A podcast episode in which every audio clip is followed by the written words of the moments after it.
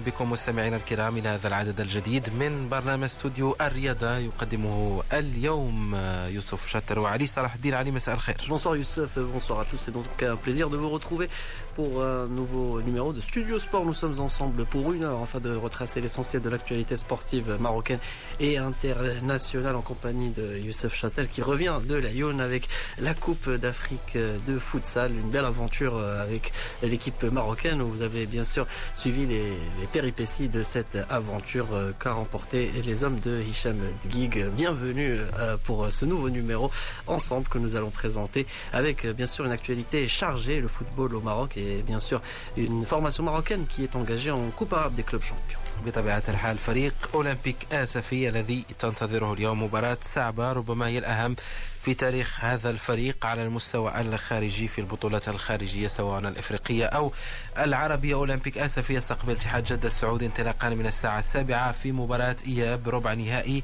دوري أبطال العرب أو كأس محمد السادس للأندية العربية البطلة بمسماها الجديد. في هذا العدد سنقترب من الأجواء المحيطة بهذا بهذا اللقاء مع موفد ميديا إلى آسف. يا زميل فؤاد الحناوي ثم سنستمع للاعبي فريق أولمبيك آسفي المدرب محمد القيسر اللاعب مهدي خليص ومحمد المرابي. نجم هذا الفريق إضافة إلى أيوب الكعداوي الذي سجل هدف الذهاب بمدينة جدة السعودية. ثم سنعود للحديث عن البطولة المغربية الاحترافية التي تشهد انطلاقا من أولى مراحل الإياب تطبيق تقنيه الفار التي شاهدناها بالأمس في مباراة اتحاد طنجة وفريق الفتح الرباطيه اللقاء الذي انتهى بهدفين لهدف واحد لصالح فريق اتحاد طنجة. ثم الحديث أيضا عن باقي مباريات البطولة. اليوم مباراة الوداد البيضاوي الدفاع الحسني الجديدي مباراة واعدة انطلاقا من الساعة السابعة بالمركب الرياضي محمد الخامس. ثم نهضة بركان أمام حسنية أكادير كما سنتحدث في هذا العدد. بطبيعة الحال ككل أسبوع عن كرة القدم الأوروبية وأبرز جديد ملاعب القارة العجوز علي. Avec l'Espagne, la 24e journée de Liga où le FC Barcelone joue en ce moment face à Getafe. Les Blaugrana mènent par 2 buts à 0 et pourraient se rapprocher de la première place du Real Madrid. Le Real qui retrouve demain à partir de 21h l'équipe du Celta Vigo pour l'un des chocs de cette 24e journée. On écoutera à ce sujet Zinedine Zidane qui nous parlera du retour d'Eden Hazard conservé dans le groupe pour affronter le Celta mais également de la dernière sanction et on va y revenir. La sanction euh, qui vise l'équipe de Manchester City privée de Ligue des Champions, de Coupes européennes de façon générale pour les deux prochaines saisons. Et puis il n'y aura pas que du football dans cette émission de Studio Sport. On parlera euh, basket avec euh, le sélectionneur du Maroc, Naufel Ouriechi, qui a dévoilé son programme pour former une équipe compétitive pour les prochaines échéances, puisqu'on le sait, l'équipe est en pleine reconstruction depuis l'élection de Naufel Ouriechi en tant que sélectionneur de basket au Maroc. Tout cela bien évidemment dans cette heure de Studio Sport. ومستهل هذا العدد كما جاء في العناوين من مدينة آسفي هذه المصافحة الأولى مع موفد ميديا إلى آسفي الزميل فؤاد الحناوي للحديث عن هذا اللقاء أولمبيك آسفي اتحاد جدة السعودي فؤاد مساء الخير مساء الخير يوسف مساء الخير علي صلاح الدين وتحية لكل المستمعين والمستمعات الكريمات. اذا فؤاد ربما هي المباراة الأهم كما قلنا بالنسبة لفريق أولمبيك اسفي أمام اتحاد جدة السعودي الأولمبيك يلعب من أجل بطاقة لنصف نهائي مسابقة كبيرة جدا سواء على المستوى الرياضي أو أيضا على المستوى المالي. نعم مواصلة الحلم العربي بالنسبة لفريق أولمبيك آسفي في هذه المنافسة القارية التي وإن دخلها الفريق المسفيوي بهدوء من دون ضجيج وفي ظل يعني أي تغطية إعلامية كبيرة فريق المسفيوي شق طريقه بثبات وكما نعلم كان قد أقصى خلال الدور الماضي. أحد أبرز المرشحين للقب فريق الترجي الرياضي التونسي بعد تعادله هنا بمدينة أسفي بهدف لمثله وتعادله هناك من صحيح ضربة الترجيح مكنت فريق مدينة عروس المحيط الأطلسي من الترشح للمربع الذهبي ومواجهة اتحاد جدة عميد الأندية السعودية الفريق المسوي كان قد حقق نتيجة جد إيجابية هناك في جدة بعودته بالتعادل بهدف لمثله. المعنويات مرتفعة بالنسبة للاعبين أو الإطار الفني لفريق أولمبيك أسفي المكون من محمد القيسر وأيضا من محمد خربوش وأيضا من مسيري الفريق والجمهور الكبير أيضا الذي من المنتظر أن تمتلأ به مدرجات ملعب المسيرة الخضراء هنا بمدينة آسفي التذاكر كانت قد بيعت بشكل يعني سريع سريع جدا. في رق... في توقيت قياسي صباح الأمس والجميع يبحث عن العملة النادرة هنا في أسفي ألا وهي تذكرة الدخول ل يعني متابعة هذه المواجهة، مواجهة تأتي في ظروف جيدة بالنسبة للفريق المسفيوي. على العموم فريق أولمبيك أسفي كان قد عاد بتعادل خارج الميدان على حساب أمام فريق نادة بركان هدف لمثله ويبدو بأن يعني ذهن اللاعبين منشغل أساسا بهذا اللقاء. فريق اتحاد جدة في المقابل يأتي وسط نتائج سلبية على مستوى البطولة السعودية. الفريق السعودي العتيد يحتل فقط المركز الثالث عشر في البطولة الجزائرية وكان قد استغنى في الأيام الأخيرة عن مدربه دينكات. مساعده هومبرجر هو الذي يشرف على تدريب الفريق في انتظار التعاقد مع مدرب جديد. طبعا اذا ننتظر مباراة كبيرة بين الفريقين. كانت هذه مداخلة أولى لموفد ميديا زميلنا فؤاد الحناوي الذي كان أيضا التقى محمد الجيسر مدرب اولمبيكاسا في في اعقاب الحصة التدريبية الأخيرة التي أجراها النادي بالأمس. ماذا قال محمد الجيسر لفؤاد؟ هي مباراة تاريخية بالنسبة لنا مجموعة ديال الاعتبارات يعني ماشي بالسهل توصل لهذا المستوى من التنافس ربع نهائي جد مهم. يعني نتيجة إيجابية في الذهاب تعادل. آه، شيئا ما آه، الأمور مازال ما تحسماتش استعدنا ما بالكفاية. المباراة عارفين غادي يكونوا فيها متغيرات كثيرة. الفريق آه، اللي غير المدرب ديالو. كنظن بان غتكون تغييرات في الشكل والشكيلة. غيكون مساعد المدرب. بعد مرات تغيير المدرب تيكون سيف ذو حدين. يقد يكون positif يقد يكون négatif حنا غنحاولوا نستعدوا ما فيه الكفاية. عارفين الاتحاد السعودي ما بقاش عنده حظوظ في الدوري. يعني كيرمي بجميع الأوراق ديالو في هذه المباراة غتكون مباراة صعبة. إذا مباراة صعبة تنتظر فريق أولمبيك آسفي. فؤاد هناك وعي كبير لدى الإطار التقني لفريق أولمبيك آسفي أن لا شيء حسم رغم أفضلية الذهاب التي آه، ممكن أن نمنحها لفريق أولمبيك آسفي. ويبدو أن الفريق نضج على المستوى حتى المعنوي وهو يتقدم شيئا فشيئا في هذه البطولة. والجانب المعنوي الجانب النفسي سيكون عاملا مؤثرا في لقاء مساء اليوم الذي ينطلق آه، في تمام الساعة السابعة. العامل المعنوي آه، يتجسد في آه، نسيان نتيجة لقاء الذهاب هدف المثلية نتيجة إيجابية بالنسبة لفريق أولمبيك أسافي لكنها لا تعني بتاتا الترشح للدور القادم. الفريق السعودي قادمة إلى هنا بمجموعة من اللاعبين المتمرسين ذوي الخبرة ذوي التجربة ويطمح لأن تشكل هذه المباراة انطلاقة حقيقية بالنسبة له في في الموسم لأنه ربما فقد كل أمل في التنافس على لقب البطولة السعودية ويبقى هذا اللقب العربي كأس محمد السادس للأندية العربية البطلة. المفتاح الموسم والطريق الوحيد لإنقاذ موسمه والظفر بلقب ما. وتعادل في لقاء الذهاب يجعل الفريق السعودي يلعب اليوم بكل أوراقه سيرمي بكل أوراقه بحثا عن العودة بنتيجة الانتصار اذا الاحتياط واجب وعلى الفريق المغربي فريق أولمبيك اسفي أن ينسى نتيجة لقاء الذهاب وأن يبحث عن تحقيق الفوز بأي طريقة وبأي نتيجة التي من شأنها أن تؤمن له التأهل. بعيدا عن الحسابات أي التعادل بصفر لمثله الذي يؤهل أيضا فريق أولمبيك اسفي للدور القادم الدور النصف النهائي. إجابات نكتشفها معك فؤاد طيلة هذه الأمسية في مختلف النشرات الإخبارية والمواعيد الرياضية شكرا جزيلا لك فؤاد من آسفي.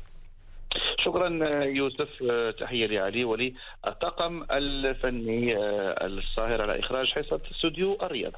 اذا كان هذا فؤاد الحنوي من مدينة آسفي يتابع مباراة أولمبيك آسفي واتحاد جدة السعودية التي تنطلق على الساعة السابعة مساء مباراة إياب ربع نهائي كأس محمد السادس للأندية العربية البطلة مسير أولمبيك آسفي بين يديه يكفيها التعادل السلبي والفو أو الفوز بأي نتيجة علي كما قلنا وكما تحدث فؤاد هناك وعي كبير لدى هذا الفريق الشاب الذي تكون ربما على آه، سنوات بداية مع هشام الدميعي ثم وصول المدرب محمد الجيسر. هناك نواة فريق جيد فريق يملك آه، الشراسة على مستوى اللاعب ويملك التنافسية لأنه يجب أن نقول أن أولمبيك آسفي بالإمكانيات التي يتوفر عليها أن يصل لنصف نهائي بطولة euh, من مثل هذا النوع لا ليس بالشيء الهين. Oui, l'équipe de l'Olympique de Safi qui reste euh, une formation plutôt stable dans le championnat marocain, actuellement 9e au classement général. Le dernier bon résultat de l'équipe remonte à 2016 avec une finale perdue en Coupe du Trône face à l'équipe du Maghreb de Fès. L'équipe retrouve euh, cette Coupe arabe des clubs champions avec euh, l'objectif de retrouver les demi-finales. Il va falloir garder les pieds sur terre puisque quand même le résultat est positif. Un but marqué à l'extérieur avec euh, ce nul face à l'Etihad de Jeddah lors du match. Allez, on va écouter ce qu'en pense Mehdi Khalès, le, défenseur de l'équipe de l'OCS avant ce match face euh, à l'équipe saoudienne. Rien n'est joué, c'est on va les prendre avec le même sérieux. En plus, ils auront plus de motivation. Ils ont recruté des joueurs, ils ont un nouvel entraîneur, donc euh, ils vont ils vont tout miser sur ce match-là pour leur fin de saison. À nous de, de rester bien concentrés comme au match aller et faire le nécessaire pour ramener la qualification. Voilà donc euh, Mehdi Khalès concernant euh, ce match face à l'équipe euh, de Jeddah qui s'est renforcée, on va dire, comme l'a dit le défenseur central de l'OCS et qui compte dans ses rangs un certain ex-international marocain qu'il s'agit bien sûr de Karim Lahmedi. Karim Lahmedi يبقى عميد فريق اتحاد جدة السعودي فريق يبقى من كبار كرة القدم الآسيوية سبق وفاز بدوري أبطال آسيا وكان ثالث كأس العالم للأندية في فترة من الفترات بطبيعة الحال فريق كبير على مستوى الاسم لكن في هذه الفترة الفترة يعيش مرحلة آه، تغيير مع آه، خروج المدرب السابق والآن مساعد المدرب هو من يشرف على الفريق في هذه الفترة. أحد عناصر الخبرة والقوة في فريق أولمبيك آسفي يبقى العميد محمد مرابيط والذي يشبهه الكثيرون بمحسن متولي في طريقة اللعب. محمد مرابيط نجم أولمبيك آسفي آه، ماذا قال؟ بخصوص هذا اللقاء لميكروفون فؤاد الحناوي. المباراة هذه غادي تكون مباراة حاسمة لينا حنايا باش نتأهلوا للدم الفينال إن شاء الله. وغادي نديروا اللي في حنا كلعابة اللي داخلين ال onze départ غادي ندخلوا باش نتقاتلوا عليها. إن شاء الله لما لا نمشيو حتى لل finale إن شاء الله.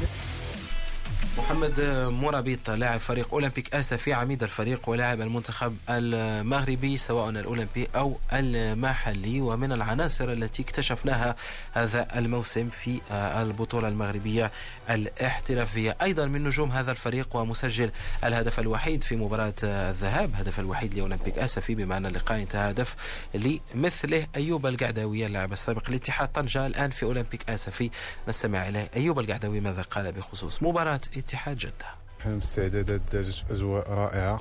كل كيعرف بأن الفريق اسفي كيلعب على واحد الواجهة عربية.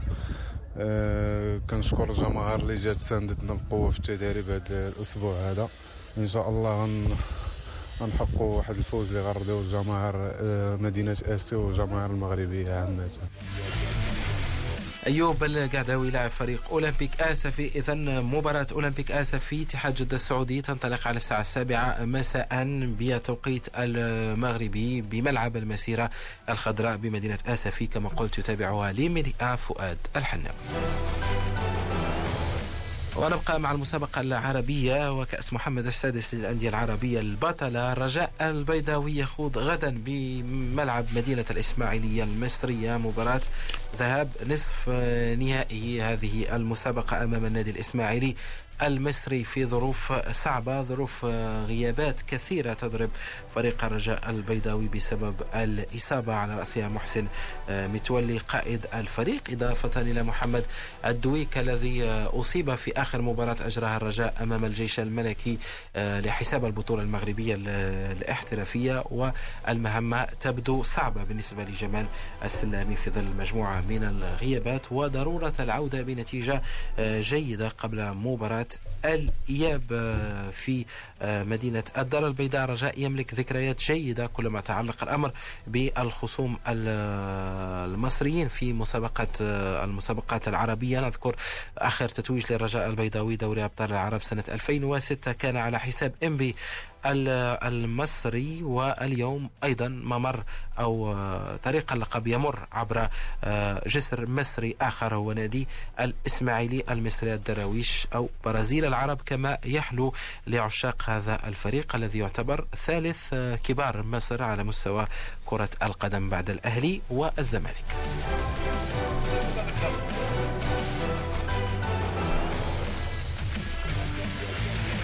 نواصل مستمعينا الكرام بكرة القدم المغربية بعد حديثنا عن العربية. وقبل أن نفصل في الجولة السادسة عشرة أولى مراحل الإياب في هذه في هذا الموسم وأول المباريات التي أجريت بالأمس بين اتحاد طنجة وفريق الفتح الرباطي والتي انتهت بهدفين لهدف واحد لصالح اتحاد طنجة. ثم فوز مولودية وجدة على سريع واتزن بهدف دون رد. نعرض لموضوع التحكيم وموضوع الفار لأول مرة في البطولة المغربية بعد أن جرب الفار في نهائي كأس العرش ونصف النهاية الآن البطولة المغربية ستستكمل بتقنية الفار. رئيس اللجنة المركزية للتحكيم جمال الكعواشي كان له لقاء قبل قليل مع الزميل وديع وحتي للحديث عن الموضوع. نستمع إليه. كما كتعرفوا فأن تقنية الفار طلبت واحد المجهود كبير جدا من طرف الجامعة الملكية المغربيه لكره القدم لا من الناحية المالية ولا من الناحية التقنية من الناحية البشرية. وفعلا كنا في البداية إنه قررنا بأنه غادي يكون مباراة الأياب غادي تكون فيها تقنية الفار. فالآن أصبح الفار واقعا في البطولة الوطنية وأصبح قيمة مضافة للبطولة الوطنية.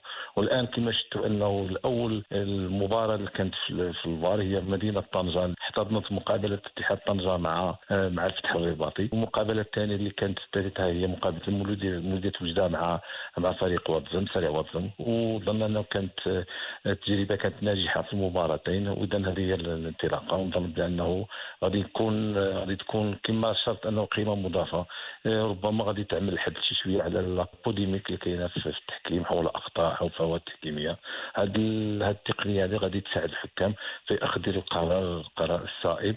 وهكذا غادي تكون فرصة أنه يكون تكافؤ الفرص بين جميع الأندية ديال البطوله البطوله الاحترافية. طيب سي جمال الكعواشي نتحدث الآن عن طريقة تدبير تقنية الفار، كما ذكرت في تدخلك الأول بأن هذه التقنية تتطلب موارد مالية مهمة ولكن أيضا موارد بشرية هامة أيضا، تكوين الحكام، هل أنتم الآن في اللجنة المركزية للتحكيم مقتنعون تماما بتكوين الحكام المغاربة؟ وهل عدد الحكام كافي اليوم لتدبير تقنية الفار؟ ثم أيضا كيف سيتم الآن تدبير تعيينات حكام الفار في البطولة الاحترافية؟ اولا الترخيص تاع تاع الفار حكم فار ما كتعطيش الجامعة الملكيه المغربيه لكره القدم كتعطي المجلس التشريعي board إيفاب لو كان هاد الحكام ماشي في المستوى كاع ما غتعطيهم الرخصة باش يديروا مقابلات ديال الفار. لأن الفار عنده رخصة خاصة به. يمكن يكون حكم وما عندوش وما عندوش رخصة تاع تاع الفار. هاد الحكام كلهم بدون استثناء تلقاو واحد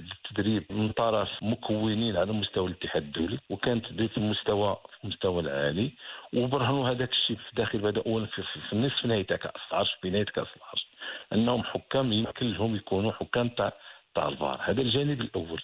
الجانب الثاني هو بالنسبة ان أن بالنسبة لنا نحن في إفريقيا أن عندنا 19 ثلاثيات زائد حكمتين اللي هما عندهم الحق عندهم الرخصة ديال ديال الفار. وهاد 19 هما اللي غادي يدبروا البطولة البطولة الاحترافية. وهما اللي كيكونوا هما اللي عندهم الحق كيلعبوا في كما كيقولوا في الصفوه رقم واحد. ولكن هذا ما يمنعش أنه في هذه بداية هذه بطبيعه الحال غادي نزيدوا نحن في واحد الأفق غادي ندخلوا في, في مع الحكام الواعدون الحكام الصغار الشبان اللي غادي هما غادي هما يخضعوا لواحد التكوين حتى هو تكوين ديال ديال الفار وهذا غادي توسع القاعدة ديال الحكام تاع الفار. وهنا كيكون عندنا اختيار اختيار بانه نختار بين حكم وحكم ولكن الآن اليوم اللي غادي اللي عندهم رخصة تاع الفار راهم يمكن لهم يمكن لهم يكون في نفس الوقت عندنا في نفس الوقت هو حكم الساحة. وحكم اللي يمكن له يسمى حكم تاع حكم تاع الفار اللي كيشرف على على وكما كتشوفوا. طبعا نعطيك مثال فإنه البارح الحكم اللي كان في الساحه وهو جيد. اليوم غادي يكون في الفار غادي يكون في الدار البيضاء. آه، الحكم اللي كان اللي دار كان حكم ساحة قزاز سمير. اليوم في بركان غادي يكون حكم غادي يشرف على على الفار طيب سي جمال الكعواشي آخر سؤال مرتبط الآن بالتواصل. تعلم جيدا بأن أي تجربة جديدة تتطلب تواصل كبير من الجهة المسؤولة. الآن كما تعلم تقنية الفار لها قواعد ينظمها الحالات التي يتدخل فيها الفار. متى نعود إلى الفار؟ كيف يتواصل اللاعبين مع حكم الساحة من أجل المطالبة بالفار؟ هل لهم الحق في ذلك؟ وأيضا توعية الجماهير بهذه التقنية الجديدة. أيضا دور وسائل الإعلام. هل اللجنة المركزية للتحكيم والمديرية وضعتا بطبيعة الحال خارطة طريق تواصلية من أجل تكوين الأندية تكوين المسؤولين تكوين أيضا حتى المكاتب المسيرة الجمهور إلى غير ذلك من أجل الفهم الجيد لتقنية الفار ولكي نتفادى السقوط مرة أخرى. سي جمال الكعواشي في الجدل المتواصل بخصوص التحكيم. وفعلا هو سؤال وجيه. هذا راه كاين واحد الاستراتيجية موجودة واضحه حنا كنا ناويين كنا ناويين غادي ندير واحد الحمله تحسيسيه اطار قلنا الميركاتو دير التوقيف تاع البطوله النهايه تاع تاع ديال لا لي قلنا مع النهاية تاع مع البداية تاع retour غادي يكون واحد عند ويكون واحد الميركاتو تاع أسبوع ولا أسبوعين يمكن تكون هذيك الفرصة باش يكون. ولكن مع هذا العام أنا أعتبره عام استثنائي ما كاينش الميركاتو. حيت كاميتون الناس ما عندناش هذه الفرصه ولكن هذا ما يمنعش. حنا داخلين في واحد في واحد الاستراتيجية هي اولا ولا على مستوى الإعلام غادي نديروا واحد كما تسميو هذاك open day نهار مفتوح للإعلام وغادي نديروا نجيبوا الحكام ويجيو يحضروا معنا الإعلامي بعد الاعلام باش يكون حتى على علم على الفار كيفاش كيتمشى الفار وفوق كيفاش يدخل الفار باش يكون باش يمشيو معنا في الخط باش ينخرطوا معنا حتى هما في هذه العملية هذه. ثانيا حنا دايرين واحد ال calendrier باش أنه الإندية غادي يكون كنا ناويين نديروا اللقاء مع مع أول مع المدربين هما اللي معنيين بالامر مع ربما مع les capitaines d'équipe. يجيو نحضروا نديروا واحد النهار خاص بالفار. ربما الفرصة ما تسمح لناش ولكن حنا غادي نديروا calendrier غادي نمشيو حنا عند الأندية عند الأندية ونمشيو يخصوا لنا واحد واحد النهار ولا واحد الحصة يمشيو المؤطرين ديالنا ويمشيو يفهموا لهم وكاين ثالثا وهو على مستوى غادي نديروا على مستوى غادي المستوى ال site تاع غادي يكون واحد ال site خاص بالتحكيم على مستوى الجامعة الجامعة وهو اللي غادي يبقى يدير واحد الحملة تحسيسيه حول الفار وحول فهو غادي يدخل فاش هما الحاجات اللي كيدخل الفار. هذه المسائل هذه كلها راه غادي تندار إن شاء الله في الأسابيع المقبلة. مشروع كبير آه، نظام الفار في البطولة المغربية الاحترافية وكان شيء جديد على كرة القدم الإفريقية بصفة عامة على المستوى المحلي. أول بطولة محلية تشهد تطبيق تقنية الفيديو المساعد المعروفة باسم فار. كان هذا رئيس اللجنة المركزية للتحكيم جمال الكعواشي. تحدث لي وديع أحتي عن آه، هذه التقنية وتطبيقها في البطولة المغربية الاحترافية التي انطلقت بالأمس. كما قلت في مباراة اتحاد طنجة والفتحة الرباطية التي تبقى مباراة تاريخية بما أنها أول مباراة في البطولة المغربية تشهد تطبيق هذه التقنية. بطبيعة الحال مباريات البطولة المغربية في جولتها السادسة عشرة أول مراحل الإياب. سنعود للحديث عنها بالتفصيل في الجزء الثاني من هذا العدد جميع النتائج المسجلة والمباريات المبرمجة آه، خاصة مباراة الوداد البيضاوي والدفاع الحسني الجديد. لقاء القمة عن هذه الجولة. كما سنعود للحديث مستمعينا الكرام عن كرة السلة والحديث أيضا عن رياضة الرجبي وفي ختام هذا الجزء الأول لا بأس أن نعطي بعض النتائج المسجلة في البطولات الأوروبية. برشلونة يتقدم على ختافي بهدفين لهدف واحد في الليغا الإسبانية ويلحق بريال مدريد مؤقتا في صدارة الليغا. ريال مدريد الذي يلعب غدا أمام سيلتا في فيغو ثم أيضا في الدوري الإنجليزي الممتاز. بيرنلي تغلب على ساوثهامبتون بهدفين لهدف واحد وليفربول يلعب أمام نورويتش. سيتي انطلاقا من الساعة السادسة والنصف. ولا ننسى انتقال حكيم زياش إلى تشيلسي. سنتحدث عن هذا الموضوع في الجزء الثاني.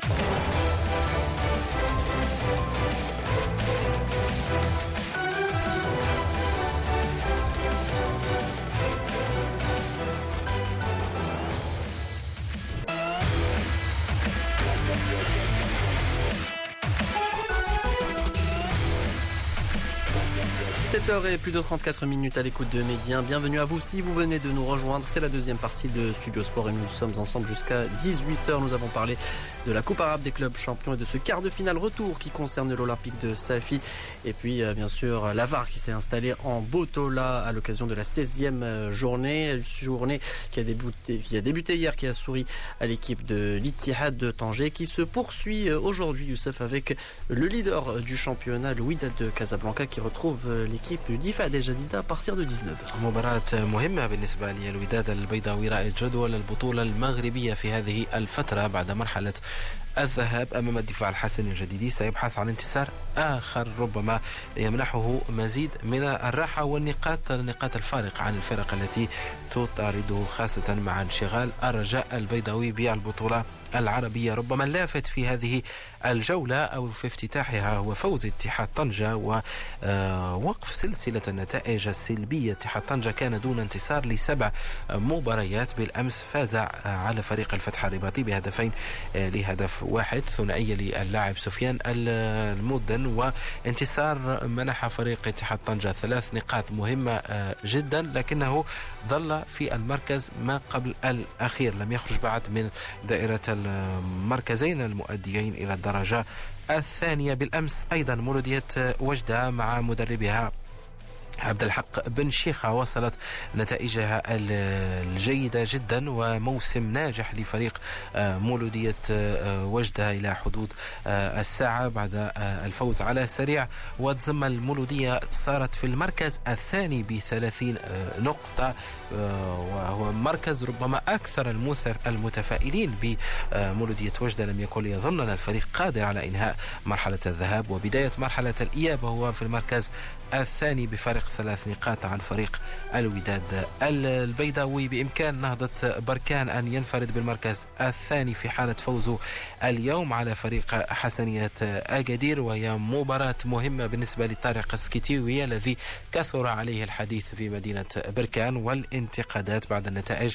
المتذبذبة والأداء الغير مقنع بالنسبة لجمهور نهضة بركان. ثم يوم الأحد نهضة زمامرة أمام يوسفية برشيد. مباراة مهمة بالنسبة لفريق نهضة زمامرة الذي يبحث عن تأمين البقاء في الدرجة الأولى والذي يحتل المركز الحادي عشر بسبع عشرة نقطة بينما رجاء بني ملال في المركز الأخير بثلاث نقاط. ممكن أن نقول أن فريق يوسفية أو رجاء بني ملال قد وضع قدمه الأولى في الدرجة الثانية. ثم الجيش الملكي أمام المغرب التطواني يوم الأحد ويوم الثلاثاء أولمبيك خريبكا أمام أولمبيك آه، آسفي. نذكر أن الجيش الملكي سيستقبل المغرب التطواني دون جمهور بعد العقوبة التي سلطت عليه من طرف لجنة الانضباط التابعة للجامعة الملكية المغربية لكرة القدم بعد الأحداث التي رافقت مباراة الرجاء البيضاوي المؤجلة عن الأسبوع الخامس.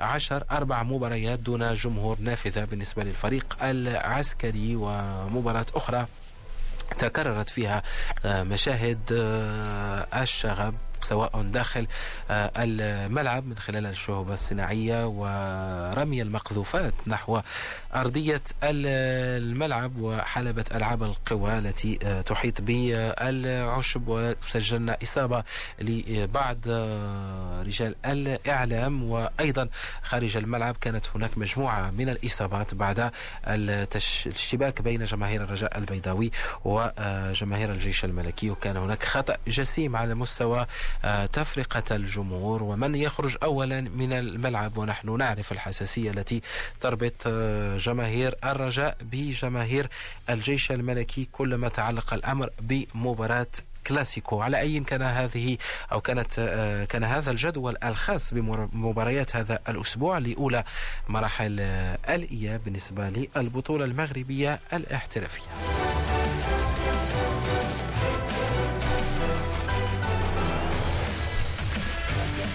نغير الوجهة مستمعينا الكرام إلى القارة العجوز ونفتح ملف الدوريات الأوروبية وأبرز الأخبار التي تهم الفرق الأوروبية. 40 مليون يورو هي قيمة انتقال حكيم زياش إلى فريق تشيلسي. الأمر تأكد بحر هذا الأسبوع. أياكس أمستردام الهولندي أعلن رسميا عن انتقال النجم المغربي الدولي المغربي. خطوة عملاقة بالنسبة لحكيم زياش. انتظرناها كثيرا وربما تأخرت بالنسبة للبعض. انتقال حكيم زياش لتشيلسي الإنجليزي. رهان كبير يضعه فرانك لامبارد مدرب تشيلسي على الدولي المغربي. من أجل إضافة نوعية أخرى من التنشيط الهجومي للفريق اللندني. بالنسبة لحكيم زياش يلتحق بفريق تشيلسي انطلاقا من أول يوليوز المقبل وسيكمل السنة مع فريق أياكس أمستردام الهولندي.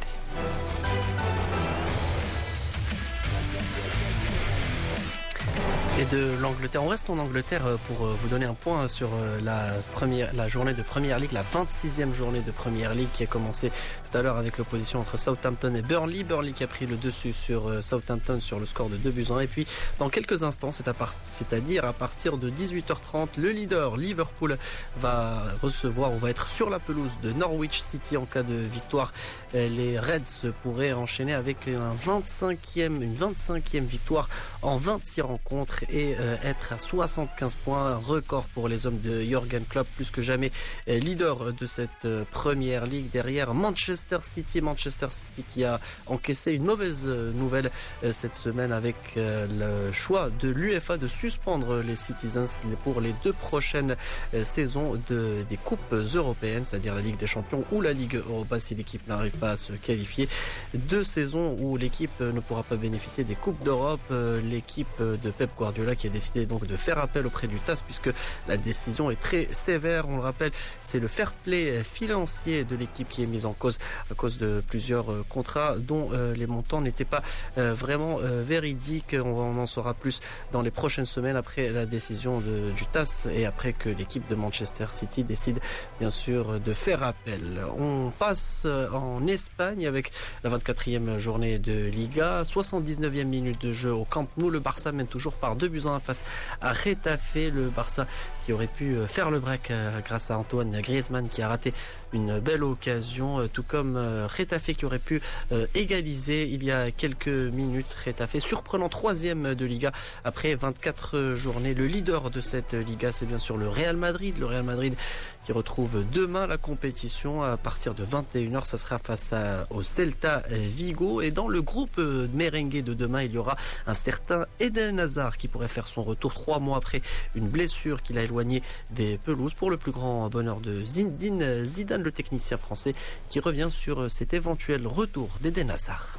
On est content de le retrouver, très content après trois mois d'absence. On sait très bien le joueur que, que c'est, on sait très bien ce qu'il peut nous apporter. On l'a, on l'a récupéré justement parce que parce que c'est un joueur qui est, qui est différent, c'est un joueur unique. Donc on est content de le retrouver. Et après, euh, et après le, c'est vrai qu'on a été avec lui euh, et c'est ce qu'on devait faire de toute façon. On devait prendre le temps, euh, on voulait pas se précipiter. Il fallait que, fallait que ses sensations soient bonnes, mais vraiment bonnes à 100%. Et c'est ce qui, ce qui arrive. Donc il va être avec nous. Il est prêt pour euh, pour, commencer, euh, pour commencer à jouer. Donc euh, Zidane qui devrait pouvoir compter sur sur Eden pardon et, bien sûr pour les prochaines échéances d'autant plus que les huitièmes de finale de la Ligue des Champions arrivent à grands pas avec ce match face à Manchester City. Manchester City qui on le disait risque gros et sera privé des deux prochaines Ligues des Champions. Zinedine Zidane a été invité à répondre à la question. Le technicien français qu'on écoute de toute façon, c'est une équipe, c'est un, rival qui va être euh, très très très difficile. C'est une très grande équipe. Et donc, euh, par rapport à ce qui vient d'arriver, euh, la motivation sera énorme. Après, je vais pas rentrer dans ce qui ce s'est passé, dans ce qui va se passer, parce que le c'est pas le sujet. Mais par contre, c'est une équipe que de toute façon, forcément, sera un rival très très très compliqué en, sachant en plus que comment ça se passe dans, la Liga. Donc leur motivation va être, elle va être supplémentaire. Donc euh, Zinedine Zidane, l'entraîneur du Real Madrid au sujet de cette sanction de Manchester City. Le Real Madrid qui, on le rappelle, va retrouver demain l'équipe du Celta Vigo à partir de 21h à l'occasion de la dernière rencontre de la 24e journée de Liga.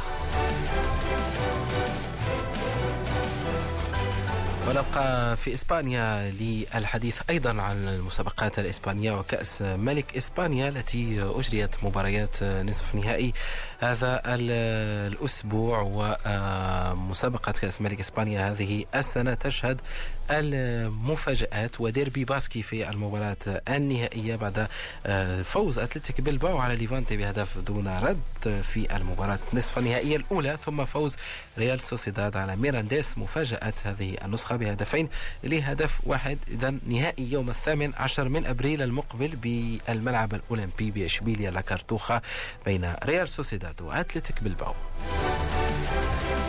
وأيضا في إيطاليا أجريت مباريات الكأس نابولي فاز في ذهاب الدور نصف النهائي على انترناسيونالي ميلانو بهدف دون رد هدف الإسباني فابيان رويس في انتظار مباراة الإياب بنابولي ثم مباراة ميلان واليوفي انتهت بهدف لمثله بين الفريقين ليتأجل الحسم إلى مباراة الإياب بمدينة تورينو.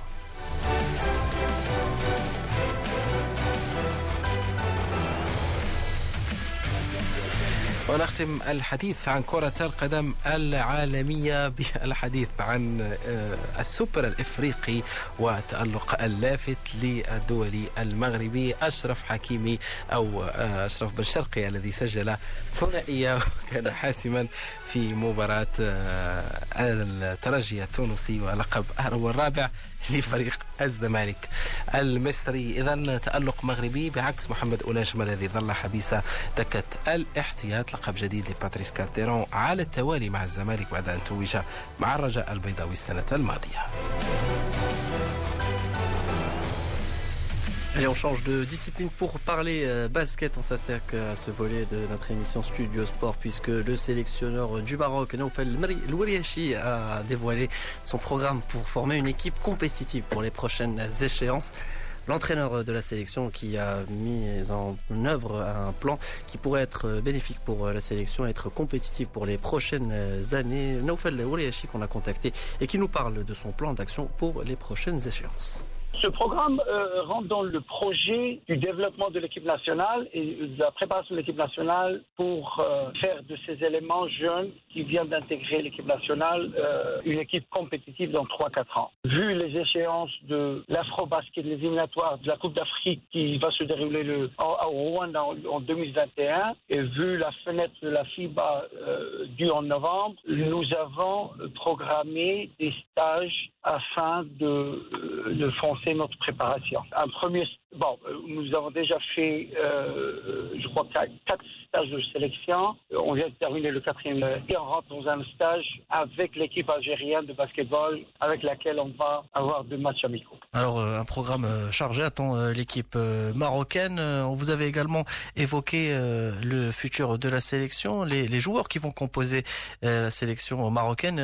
L'objectif sera également de, rajeunir l'équipe Absolument, absolument, parce que euh, la, génération récente n'a pas eu de relève dû au fait que euh, le basket ne s'est pas joué au Maroc depuis quelques années. Euh, et quand je dis le basket, je veux dire le basket bien organisé. Peut-être on a eu des championnats très courts, mais le basket organisé ne s'est pas joué. Ça veut dire que on a de jeunes joueurs qui n'ont pas eu la chance de développer leur expertise ni leur talent. Alors c'est ces joueurs-là qui, qui, doivent défendre le, le drapeau national. Donc on travaille avec ces jeunes joueurs et, et quasiment on a commencé euh, à zéro. On les a un peu soutenus avec euh, d'autres joueurs euh, plus vétérans que j'espère vont nous, aider à développer ce, ce, ce, ce groupe. Alors, mis à part la formation et le programme qui attend les joueurs marocains. Il y a aussi votre travail en tant que recherche de talent. Est-ce que justement ce travail s'effectue au Maroc, mais également en dehors du Maroc? Nous sommes en contact permanent avec nos joueurs, les Marocains résidant à l'étranger, et aussi nous sommes en, contact avec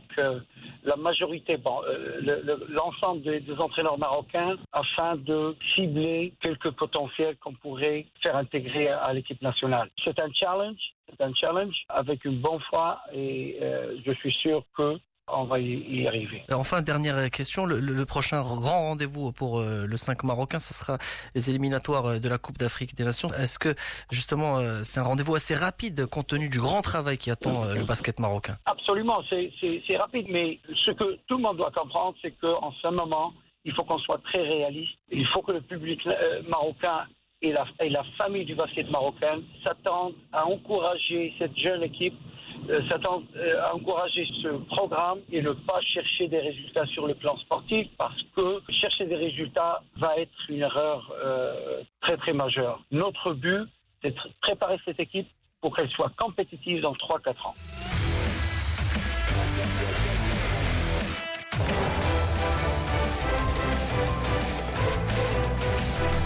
Voilà donc euh, c'était Nofel Lourechi, le sélectionneur du Maroc en termes de basket. Un long chantier attend l'équipe euh, marocaine avec notamment les éliminatoires euh, de la Coupe d'Afrique des Nations de 2021.